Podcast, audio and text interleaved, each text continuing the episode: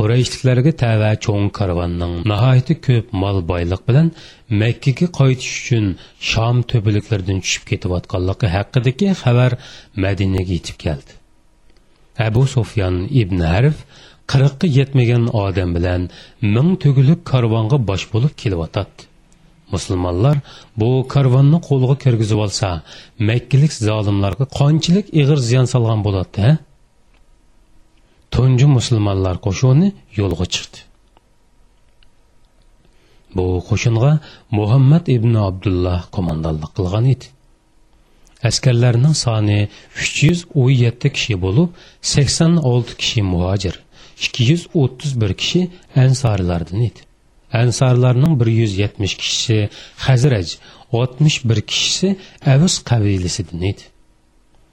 Musulmonlar qo'shuni bakmi yo'qsul odamning ishini og'irtqidek darajada og'irg'in va insoniy o'lchamlarga nisbatan bakmi ojiz edi har uch kishi bir tugiga navbat bilan minatdi madina bilan badr orasidagi musofa karvonlarning ko'ni yo'li bilan 200 kilometrdan ortiq edi. Bu qo'shin karvonning oldini to'smoqchi bo'lib mangan edi. Ammo karvon ulardan qutulib chiqdi. Abu sufyon karvonning beshini burab ulardan salomat qutuldirib qolgan edi. U qurayshliklarni musulmonlarga qarshi urush qilishga chaqirish uchun makkaga xabar soldi. Qurayishlik jangchilardan maydonga kelgan ming kishilik qo'shin makkadan yo'lga chiqdi. Musulmonlar garchi boshqa bir maqsad bilan yo'lga chiqqan bo'lsimi qurayishliklar bilan jang qilmoqchi bo'lib qoldi. Alloh taolo anfol surasida mundoq deydi o'z vaqtida olloh ikki guruh ya'ni mushriklar karvoni yana biri mushriklar qo'shuni ikki guruhdan birining qo'linglarga keltirilishini va'da qildi. Sizlar qurolsiz guruhning ya'ni karvonning qo'linglarga keltirilishini yoqtirdinglar. Olloh o'z so'zlari orqali haqni haq qilishni ya'ni islom dinini ustun qilishni kofirlarning yiltizini quritishni xohlaydi. Sura anfol yettinchi oyat. Musulmonlar qo'shuni yo'qsil muhtoj va ig'ir iqtisodiy ahvolda bo'lganligi uchun qurolli qo'shinning emas balki o'zlariga o'xshash kuchsiz ammo mol boyliqqa liq to'lgan karvonning oldiga chiqmoqchi bo'lgan edi. Da'vatlarni atrofga yeyish uchun pul va molga ehtiyojli edi. Olloh ularning shu holati bilan mushriklarning qo'shuniga qarshi chiqish orqali mushriklarning naslini quritib haqni o'ttirg'i chiqarmoqchi bo'ldi. Alloh taolo badr jingining madinaning yo'qsullikqa bardoshliq berish uchun makkadagi kufrliqning kotillarining yo'q qilinganligini ko'rsatadigan mushaqqatlik jang bo'lishni o'rinlashtirgan edi. Payg'ambar alayhissalom askariy qo'mondon bo'lish sifati bilan o'zlari duch keladigan mushaqqat va ovorchilikning asli maqsad bilan chiqqan qulay ahvolga o'xshamaydiganligini qo'shinga bildirib qo'yish kerakligini tushundi.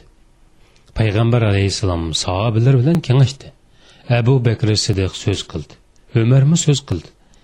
Al maqdod ibn amir so'z qildi. Natijada ziyon va zahmatning nima bo'lishidan qat'iy nazar hammaylan urush qilish haqida fikr birligi keldi.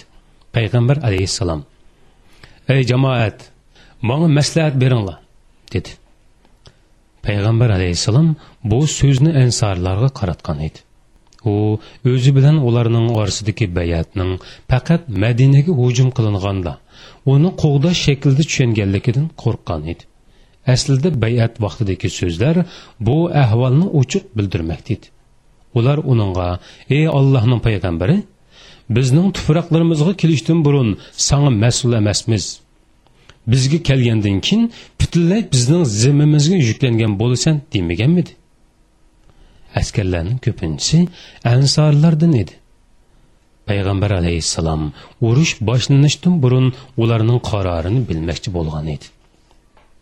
Ansorilar payg'ambar alayhissalomning o'zlarining fikrini bilmoqchi bo'lganligini tushundi. Sad ibn avf ey ollohning payg'ambari ollohning nomi bilan qasam qilamanki san bizni ko'zda tutyapsan dedi. Payg'ambar alayhissalom shundoq deb javob berdi. Ansorilar qarorini bildirdi. Ansorilarning so'zi payg'ambar alayhissalomning andisini yo'qitib ko'nglini xotirjam qildi. Chunki ansoriylar o'zining payg'ambar alayhissalomga ishonganligini uni suydiganligini uningga bo'ysunganligini va qat'iy itoat qildiganligini aytgan edi. Said ibn muoz mundoq dedi. Ey allohning payg'ambari san xolig'iningni qilg'in. Biz har doim san bilan billa seni haq din bilan avatgan allohning nomida qasam qilamanki sen bizga dengizni ko'rsatsang biz hech ikkilanmay dengizga kiramiz. Bizdan hech kim qolib qolmaydi. Ish oydinlashdi. Bu so'zlar islom g'azotlaridan eng muhim bo'lgan bir jangning natijasini aniq o'ttirg'a qo'ygan edi. Ansorlar bilan muhojirlarning payg'ambar alayhissalomning qo'shuni haqidagi tushanchalari yahudlarning hazrati musoga san va rabbing urushib kelinglar biz mushiyada o'ltirib turayli degan so'zlardan farqli bo'lib faqat payg'ambar alayhissalom ularga do'lqinni yerib dengizdan o'tishni buyruq qilsa ular cho'qim shundoq qiladi suvda bo'g'ilib o'lishdan yonmaydi ulardan hech kimmi buyruqqa qarshilik bildirmaydi. Musulmonlar urushga tayyorlandi. Payg'ambar alayhissalom tanlagan bir yerga bargoh qurildi. Alloh taolo musulmonlarga urushdiki eng muhim qoidalardan birini bildirish uchun elchisiga yerni xato tanlatqizdi aslida qo'shin qo'mondoni tajribali kishilarning fikriga asosan bargoh qurilishi kerak edi. Al huayb ibn al munzir payg'ambar alayhissalomning yiniga kelib mundoq dedi. Bargoh qurilgan bu yer biz hech qandoq o'zgartolmaydigan olloh va payg'ambarning tanlagan yerimi yoki ko'z qarash urush taktika masalasimi? Payg'ambar alayhissalom bu ko'z qarash urush va taktika masalasi dedi. Al huvayb ey allohning payg'ambari u yer biz uchun muvofiq emas dedi. Bu təcrübəli sahoba madina qoşunu su ichalaydigan ammo makka qoşunu icholmaydigan bir yerni tanladi. Shuning bilan qoşun əskəri tajribasi bor kishilar qaror bergan yerga yetkəldi. makka qoşunu yetib keldi.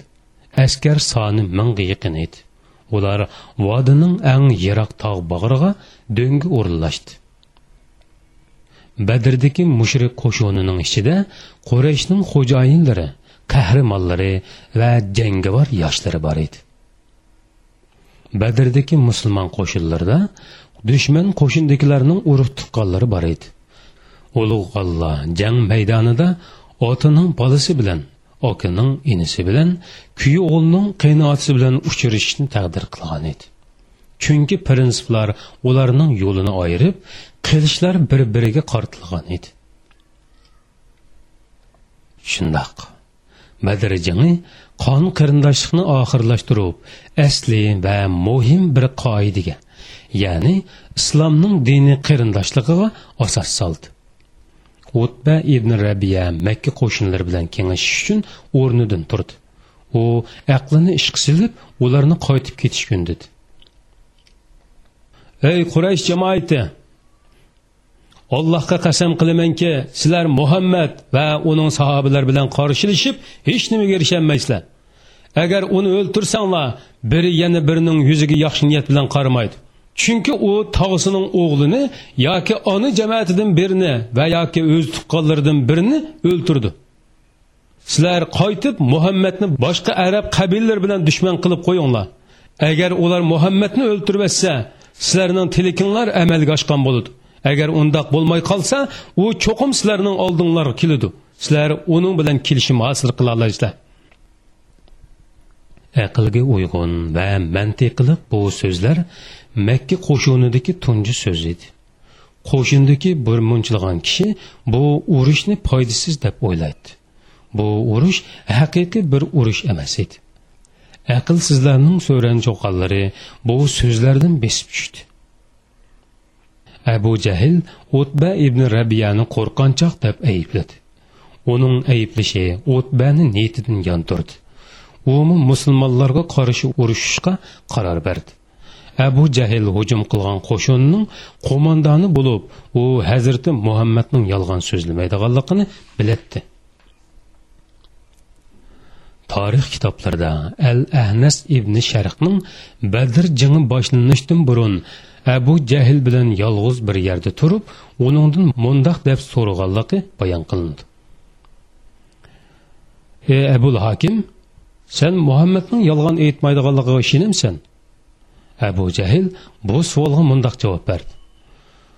U allohning yo'lida qandoqmi yolg'on so'zlisin biz uningga ishonchlik degan ismni bergan edik. Ammo sikoya hojilarga suv berish suv tarqitish ridofa ya'ni yo'qsul hojilarga yordam berish taom tarqitish kabining yo'pqini qo'g'dash va kengash qatorliqlar abdumannaf qabilasining qo'liga o'tib ketdi. Oz kundan keyin payg'ambarlikmi ularga o'tib ketsa bizga nima qoladi? Demakki bu jang payg'ambarni yolg'onchilikka chiqarish uchun emas balki manfaat va iqtisodiy ahvollarni qo'g'dash uchun edi. Shundoq qilib saplarga hayvonlarnimi qetib olgan mushriklar dunyoning eng oddiy ne'matlarini qo'g'dash uchun. Saplarga farishtalar qitilgan musulmonlar bo'lsa dunyo va oxiratning eng qimmatli manfaatlarini qo'g'dash uchun bir biriga qarma qarshi kelib turishdi. Uch yuzga yaqin musulmon mingga yaqin mushrikning qarshisida turadi mushriklarning hammasi uloqqa mingan. To'liq qurollangan edi. Musulmonlar bo'lsa har uchi bir uloqqa mingan edi. Mushriklarning kiyimlari yangi qilichlari o'tkir sovut do'bulg'ilari parqirab turadi qurollari ustun tayyorliqlari mukammal to'liq edi. Musulmonlarning kiyimlari juljul qilichlari ko'na do'bulg'i savotlarni dod besib ketgan edi. Payg'ambar alayhissalom o'z o'z qo'shiniga qarab ish og'irtdi va rabbiga mundoq duo qildi. Ey olloh ular och ularni to'yg'izgin ular yalang'och ularni kiyindirgin ular piyoda uloqlar yo'q ularni uloqlarga mindirgin. Horg'in badallarni orom oldirish uchun ko'zlariga uyqu keldi. Yarim kechada musulmonlarning atrofidagi havo salqinlab simsim yomg'ir yog'di. Oyog'i ostidagi qumlar chingdilib putlar serilmaydigan holga keldi. Bu orqali ularning qum ustidagi harakati osonlashdi. Simsim yomg'ir safar hodiqlarini to'pi chonglarini besib turdi. Ularning qalbini pokizlab allohning yordamiga bo'lgan ishonchini oshirdi. Alloh taolo mundoq degan edi. O'z vaqtida olloh tinchlantirish yuzisidan sizlarga uyqu bag'ishladi. Tahorat ilib g'usli qilib pok bo'lishinglar uchun sizlardan shaytonning vasvasasini ketkizish uchun ollohning yordamiga ishonch qilib ko'nglinglarning to'q turishi uchun qadiminglarning qumga petib ketmay mazmut turish uchun olloh sizlarga bulutdan yomg'ir yog'dirib berdi. Sura anfol o'n birinchi oyat. Tong otdi quraysh qo'shoni hujum boshladi. Payg'ambar alayhissalom musulmon qo'shinini mudofialanishga buyurdi. Payg'ambar alayhissalom bundoq dedi. Dushman sizlarni qo'rishib olsa ular qartib o'q yog'diringlar. Ruxsat berilmagicha hujum o'tmanglar. Bu hikmatlik harbiy qaror musulmonlarning hujumining barliq chiqimini ko'zlagan ziyon zahmat bilan birlikda dushmanlarning zimmasiga yuklash uchun hech qanday chiqim tortmagan holda o'z joylarida turish degan ma'nini bildiradi. Biz hozirgi harbiy taktikalardan shuni ko'ra olamizki urushda hujum qilgan tarafning askariy kuchi hujumning qarshi tarafga ta'sir qilgudek darajada bo'lishi qarshi tarafning askariy kuchidan uch to'rt hassa kuchli bo'lishi kerak. Mushriklarning soni musulmonlardan uch hassidan ortiq bo'lib ularga nisbatan g'alba uchun yetarli kuch tayyor edi. Mushriklarning qurollari sarxil uloqlar ko'p edi. Musulmonlarning uchdan ikkisi piyoda edi. Ahvol dalil pokit butunlay mushriklarning g'albisini ko'rsatib turadi ammo jangda g'alba qozonish sonining ko'pligiga qurol yaroq va ko'rinib turgan kuch quvvatning ustunligiga bog'liq emas. Ba'zida jangda ko'rinmaydigan bir ma'naviy taraf g'alaba qozonadi. Askarning ma'naviy kuchi o'zini qo'g'dayotgan narsaga bo'lgan iymoni ikki yaxshilikdan birini ya'ni g'alba yoki o'limni orzu qilishi shahidlikka intilishi ichidagi qayg'uni yengishi mana bularning hammasi askarlarni yengilmas bir maxluqqa aylantirib qo'yishi mumkin. U mag'lubiyatga rozi bo'lmasimi o'lishi mumkin. Musulmonlar qo'shini mana mushundoq edi. Atrofni chang to'zon qopladi. Ikki qo'shin bir biriga kirishib ketdi. Musulmonlar nihoyatda cho'ng g'ayrat ko'rsatdi.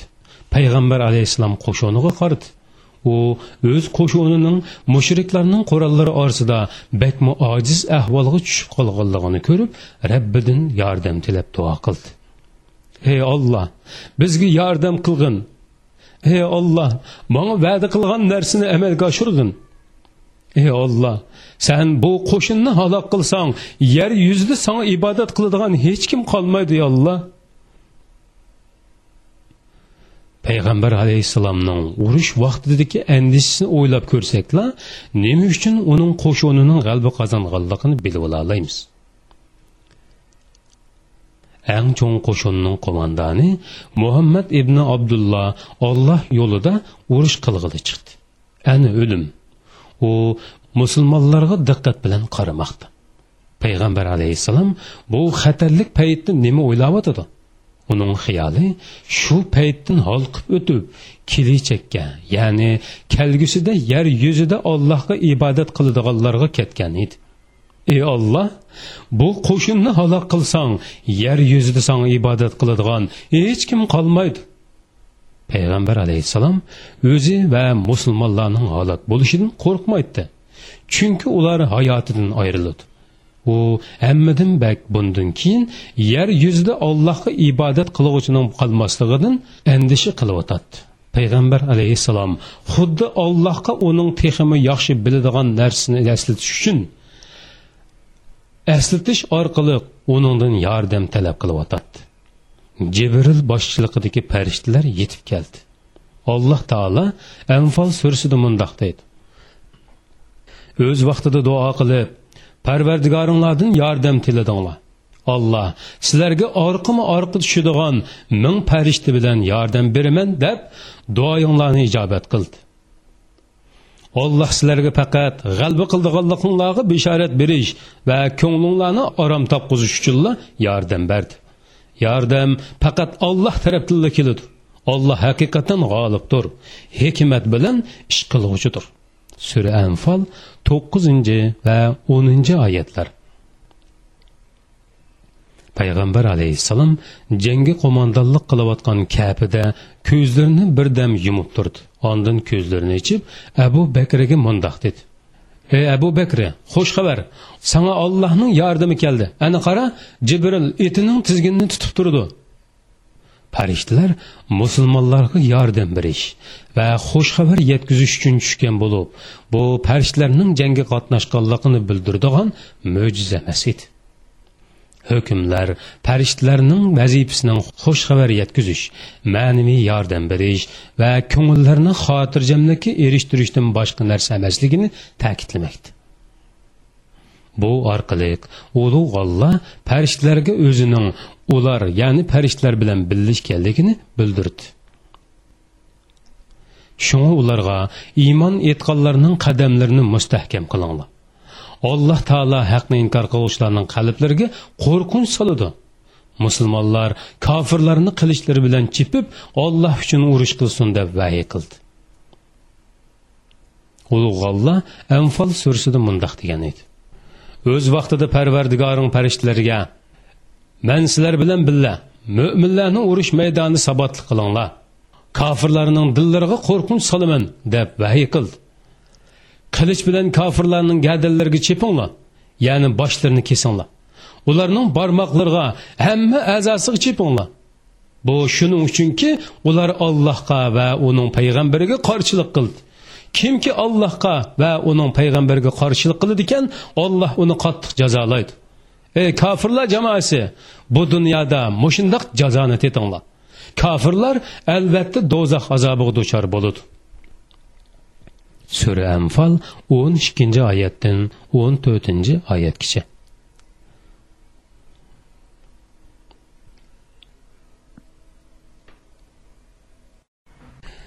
Musulmonlarning qilishlari kofirlarning yuz va bo'yonlariga xuddi shiddatlik yomg'irdak taraslab tegishga boshladi.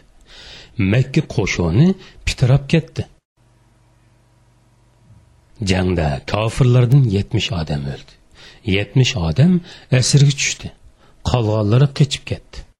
Bu jangda nafrat va dushmanlik rahbarlari bilan johiliyat hukmdorlari yer bilan yakson bo'ldi. Qo'shin qo'mondoni abu jahilmu yerga yiqildi. Makka xalqi qahramonlarga nola zor qilishdi. Kofirlarning jasadlari quduqlarga tashlandi. Payg'ambar alayhissalom u yerga kelib mundoq dedi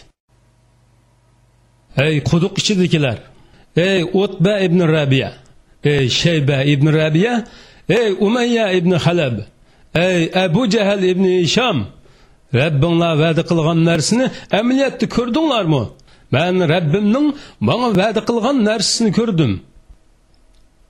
Musulmonlar, ey Allohning payg'ambari, purab ketgan jasadlarga so'zlab o'tamsan, dedi. Payg'ambar alayhissalom sizlar mening so'zimni ulardek aniq anglayolmaysizlar ammo ular menga javob bera olmaydi, dedi. Jang hijratning 2 yili Ramazon oyining 17 kuni oyoqlashdi. Payg'ambar alayhissalom Badrda uch kecha qo'ngandan keyin asr va g'animatlarni ilib Madinaga qaytdi. Musulmonlar asrlarni o'ltirish yoki o'ltirmaslik masalasida ko'p talash tortish qilishdi. Payg'ambar alayhissalom abu bakr bilan umardan maslahat so'radi. Abu bakri mundoq dedi. Ya rasululloh bular bizning tog'larimizning o'g'illari o'z qabilimizdan kelib chiqqan qarindoshlarimiz. Mancha ulardan fidya olaylik. Bu fidyalar bizning kofirlarga bo'lgan kuchimizni texmi oshirdi balkim olloh ularga hidoyat qilib qolsa bizga yordamchi bo'lishi mumkin payg'ambar alayhissalom umarga burilib san qandoq qaraysan ey umar dedi. Bu katta odam allohning nomi bilan qasamki man abu bakrning so'ziga qo'shilmayman manga ruxsat qilg'in berib palonchi yiqinimning bo'ynini chepib o'tay aliga ruxsat qilg'in umi berib palonchi tuqqinining bo'ynini kepatsin hamziga ruxsat qilg'in umi berib o'zining tuqqinining bo'ynini chopsin bu orqali olloh qalbimizda mushriklarga nisbatan ojizlik va rahim shafqat degan narsaning mavjud emasligini bilsin bularning mushriklarning kattaboshlari va qo'mondonlari ekanligini obdan bilislar makka va madina qo'shuni butunlay bir biri bilan tuqqanchilik munosabati bo'lgan oilalardan tarkib topgan edi. Ulug' taqdir oka ini ota bolaning bir birini o'ltirishini tilagan edi.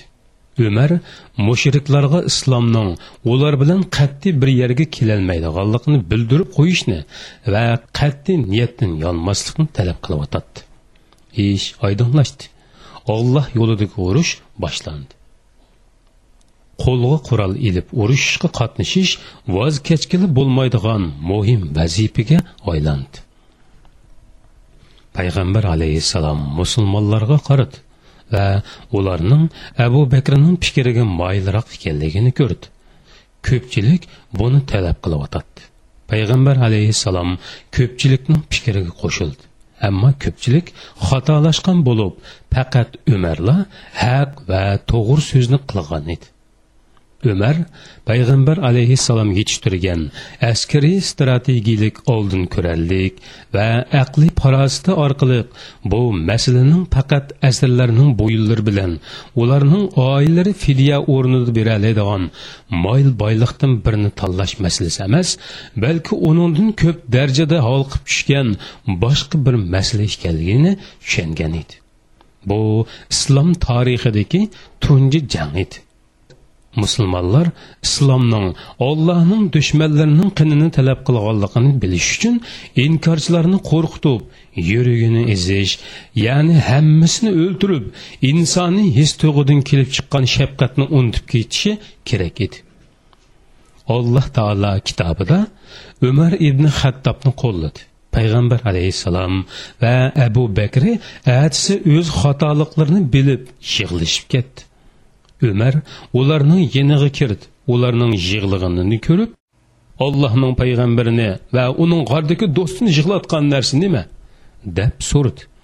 Payg'ambar alayhissalom buni oyatni o'qidi.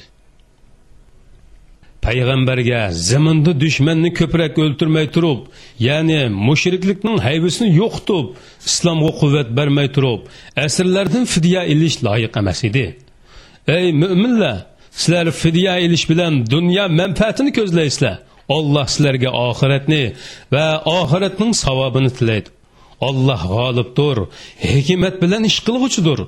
Allah'ın uçuq çəkilməyən işini qılğanlarını cəzalamasılıq degen hökmə əzəlisi bulmasaydı, əsirlərdən fidya alğanlıqlar üçün əlbəttə zor azabqa düçar bulatdınlar. Sürə Enfal 67 və 68-ci ayətlər. Bu oyatlarda hozirgi vaqtning asrga elish va ulardan fidya elib qo'yib berish vaqti emasligi uning texi payti yetib kelmaganligi bayon qilinmoqda. Ko'p urushmay ko'p jihod qilmay dushmanga yer tishlatmay o'z da'vatini to'rt atrofga kang yoymay turib dushmandan fidya ilish payg'ambarga to'g'ri kelmaydi. Bo'libmi tunji urushlarda hargiz oyatlar asrlar uchun fidya ilishning orqasidagi g'oyini ochiq ifodalab berdi. Ey mo'minlar sizlar fidya ilish bilan dunyo manfaatini ko'zlaysizlar. Olloh sizlarga oxiratni ya'ni oxiratning savobini tilaydi. Olloh g'olibdir hikmat bilan ish qilg'uchidir. Sura anfol oltmish yettinchi oyat. Bu faqat shu vaqtga qiyin sharoitga asosan chiqarilgan qaror. Ya'ni hozirgi iboralar bilan aytganda taktikalik qaror bo'lib uning strategiya bilan hech qanday munosabati yo'q edi. Uning ustiga bular odatdagi asllar emas. Balki mushtumzo'r urush jinoyatchilari bo'lg'achqa ular asrga ilingan hamon boylik va amal mansablarining nima bo'lishidan qat'iy nazar darhol yo'q qilinishi kerak edi. Islom boylik va amal mansabni emas balki iymonni to'niydi undan boshqa dunyoning o'tkinchi ne'matlariga hech qandoq o'lcham qo'ymaydi. Qur'on hukmlari davomlashidi va g'alba qozonganlarning xatoliqlarining undan burunqi marhamati va katta mag'firati yuzisidan olloh ularni kechirganligini xotirlatdi Allohning ochiq cheklanmagan ishlarni qilganlarni jazolamaslik degan hukmi azalisi bo'lmasa edi, asllardan fidya olganliginglar uchun albatta zo'r azobga duchor bo'ladinglar. Sura Anfal 68-oyat. Azob ularga ularning teshida turgan do'zaxdanmi yaqin edi. Alloh ularni kechirib etdi. Badr g'azotida qatnashganlarning burunqi va keyingi gunohlarini mag'firat qildi.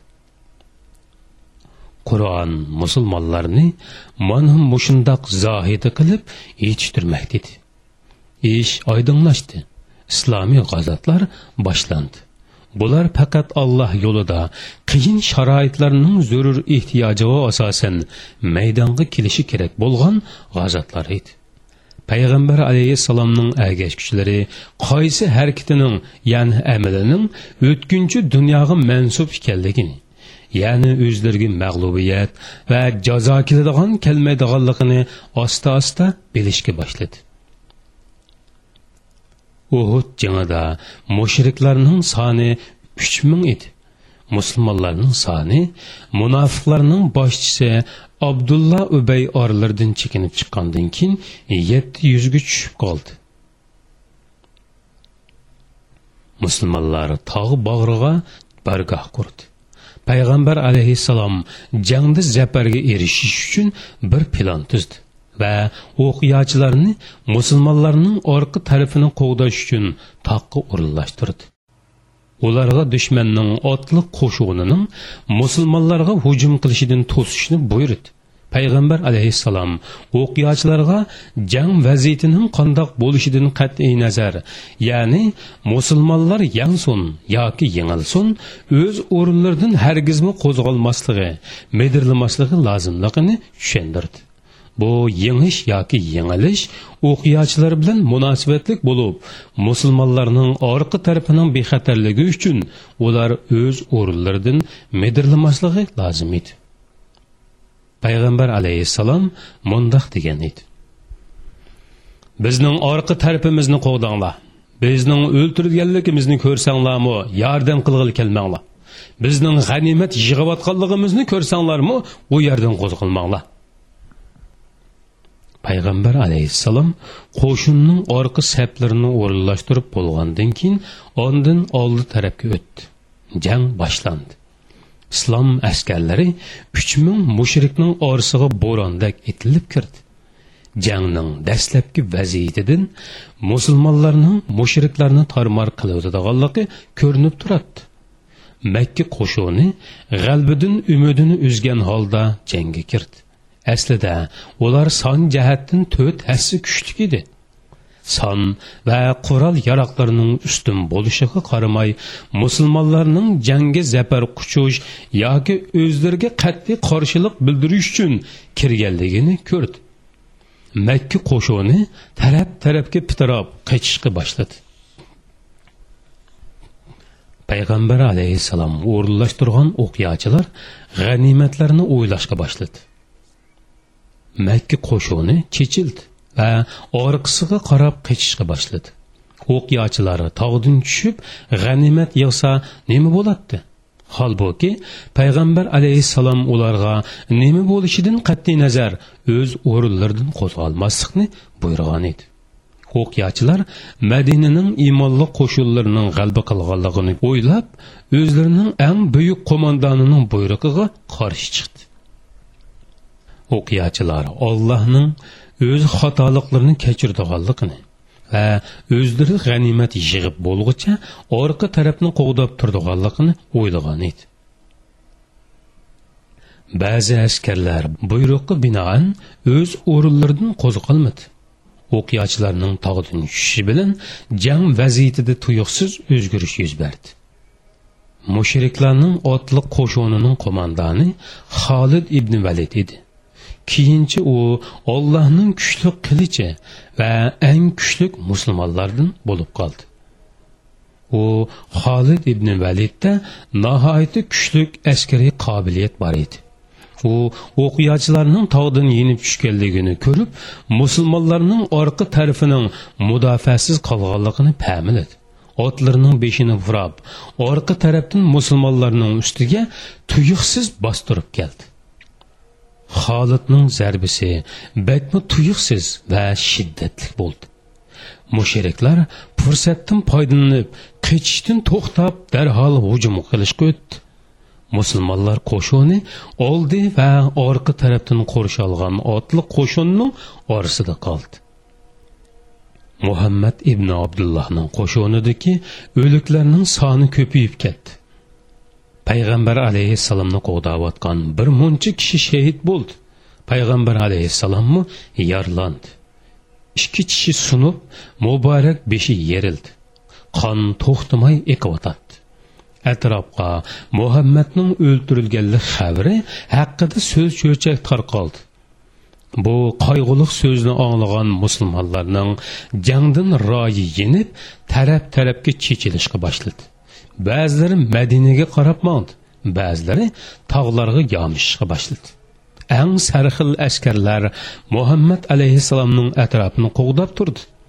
Anas ibn nodir payg'ambar alayhissalomning o'lganligini anglagan vaqtda atrofidagilarga mundoq deb vaqirdi qo'zg'ilinglar sizlarmi uningdek urushib o'linglar? U o'lgandan keyin yashab nima qilasizlar musulmon qo'shuni shiddat bilan jang qilayotadi mushriklarning payg'ambar alayhissalomga sahobalariga va askarlarga bo'lgan besimi kuchaydi. Bu tarixning eng qiyin soatlari edi. Payg'ambar alayhissalom mushriklarning o'zining ustiga bostirib kelayotganligini va o'zini o'ltirmoqchi bo'layotganligini ko'rib kim bularni chekindirsa u jannatga kirdi.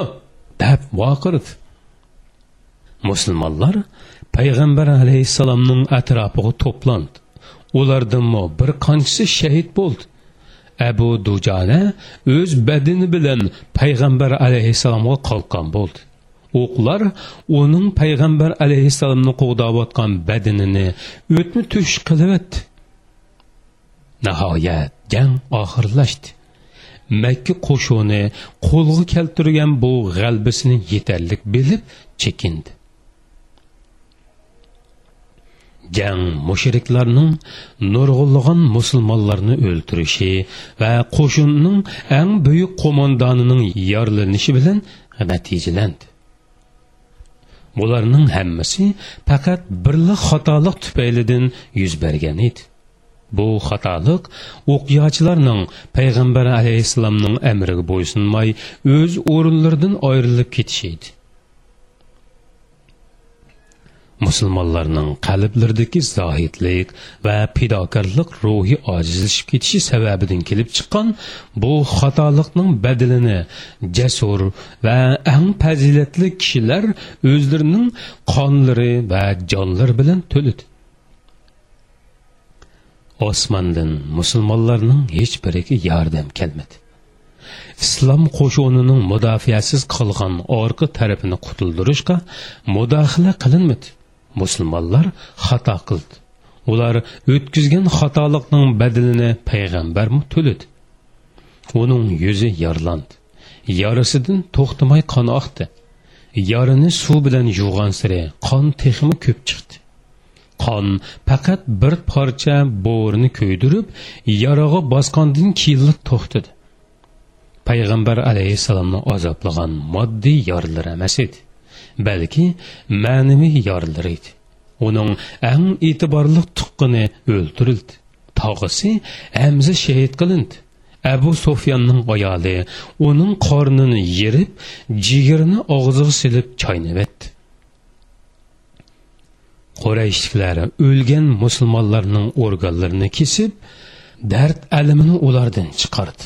Agar ollohning rahmati bo'lmagan bo'lsa musulmonlar ig'ir mag'lubiyatga uchragan bo'ladi musulmonlarni komil zohid va chunqur ixlosman qilib yetishtirish ularning orasida oxiratni ko'zlaydiganlarning bo'lishi bilan birga dunyo manfaatini ko'zlaydiganlarning bo'lganligi tufaylidan bu mag'lubiyatga uchraganligini bildirish uchun oyat nozil qilindi. Bu g'alba qozonishning yo'li va musulmonlardan kutilgan umid emas edi. Aslida barliq musulmonlarning olloh yo'lida chin ixlos bilan zohidlikqa yuzlanishi va hammasining oxiratni ko'zlashi kerak edi. Shundoq qilgandilar olloh ularga dunyo va oxiratning mukofotini beradi. Alloh taolo sura ol imronda uhud jangi haqida mundoq deydi. Ba'zilaringlar dunyoni ko'zladinglar ba'zilaringlar oxiratni ko'zildinglar. Ondan olloh sinash uchun sizlardan dushmanni qaytirdi ya'ni sizlarni g'albidan mag'lubiyatga yuzlantirdi. Va sizlarni haqiqatan afu qildi. Olloh mo'minlarga mag'firat qilg'uchidir. Sura oli imron bir yuz ellik ikkinchi oyat. Alloh taolo bu xatolikni afu qildi. Musulmonlar o'lganlarning sonini ilib yordorlarning yorisini tangishga boshladi. Payg'ambar alayhissalom tog'isi hamzini so'radi. Uni o'lganlarning orasida kuchay bog'ri kesilgan holda yotganligini ko'rib yig'lab ketdi va hech bir vaqt sanga qayg'urganda qayg'urmayman dedi. Ondan payg'ambar alayhissalom o'rnidan turib allohga hamdu sano aytdi. O'lgan musulmonlarning jasadlarining ular o'lgan yerlarga qaytirilishini buyurdi. Oilalari ularning jasadlarini qabrlarga ilib mangan edi. Payg'ambar alayhissalom o'lganlarning hammasini bir yerga to'plab ondan kimning qur'onni ko'p yoda olganligini so'rashni boshladi. Qur'onni kim ko'p yoda olgan bo'lsa avval uning jasadini yerlik qo'yishga va jasadlarni yuymay namozini tushirmayla qollari bilan ko'mishga buyurdi alloh taolo uningga qiyomat kuni ularni qandoq tirildirdiganligini ko'rsatdi. U ko'pchilikka mundoq dedi. Olloh o'z yo'lida shahid bo'lganlarni qiyomat kuni yarsidan qonlari eqiyotgan holda tirildirdi. Uning qinining rangi qonning rangida xushpuriqi mushka ambarning puriqida bo'ladi musulmonlar uhud jingida payg'ambarning amriga bo'ysunmaganligi yuzasidan ochiq savoq oldi bu savoqlarning davomi vahiy orqali kelib turmoqda edi itoat qilishdan keyin kelgan. Bu savoqlarning eng muhimi musulmon yig'ilgan markazning aniq o'ttirg'i qo'yilishi edi. Payg'ambar alayhissalomning shaxsiyati musulmonlar yig'iladigan markaz emas edi. Uning shaxsiyati har qandaq bir sabab bilan bu dunyodan ketganda musulmonlar tarqalib ketadi. Payg'ambar alayhissalomning o'zi markaz bo'lmasligi kerak. Muhim bo'lgani uning fikrlaridir. Shunga qur'oni karim payg'ambar alayhissalomning o'limi haqida so'z cho'chak tarqalganda qo'lidagi qur'onni tashlayotganlarga g'azablandi. Agar musulmonlar payg'ambar alayhissalom hayot vaqtidala uning atrofiga yig'ilsa u o'lgan yoki o'ldirilganda qo'lidagi qurolni tashlab o'z ishiga mongsa islom oxirgi nuqtasiga yetib borolmaydi. Musulmonlar shaxslarga emas prinsiplarga agishadigan kishilar bo'lishi lozim. Muhammad ibn abdulla insoniyatning eng ulug'i payg'ambarlarning eng kattisi va eng oxirgisi Allohning maxluqotlarining eng xayrligi bo'lsimi bularning hammasi u o'lganda yoki o'ltirilganda bir musulmonning qo'lidagi qurolni tashlashi to'g'ri bo'lmaydi. Musulmonning har vaqt qo'liga qurol elishi uni faqat ikki ahvolning birida ya'ni g'alba qozonganda yoki o'lganda ondin tashlash kerak. Bulardan burun tashlab o'tilgan qurol faqat urushdan qochqanlikni bildirdi. Qur'onni hukmi musulmonlarni payg'ambarning shaxsiyatiga emas islom e'tiqodiga bog'lashda nihoyatda kaskin edi. Ulug' olloh uhud jangidan ko'p o'tmay mundoq degan edi. Muhammad faqat bir payg'ambardir uningdan burun ko'p payg'ambarlar o'tdi. Ularning ba'zilari o'z ajli bilan o'lgan ba'zilari boshqalar tarafidan o'ldirilgan.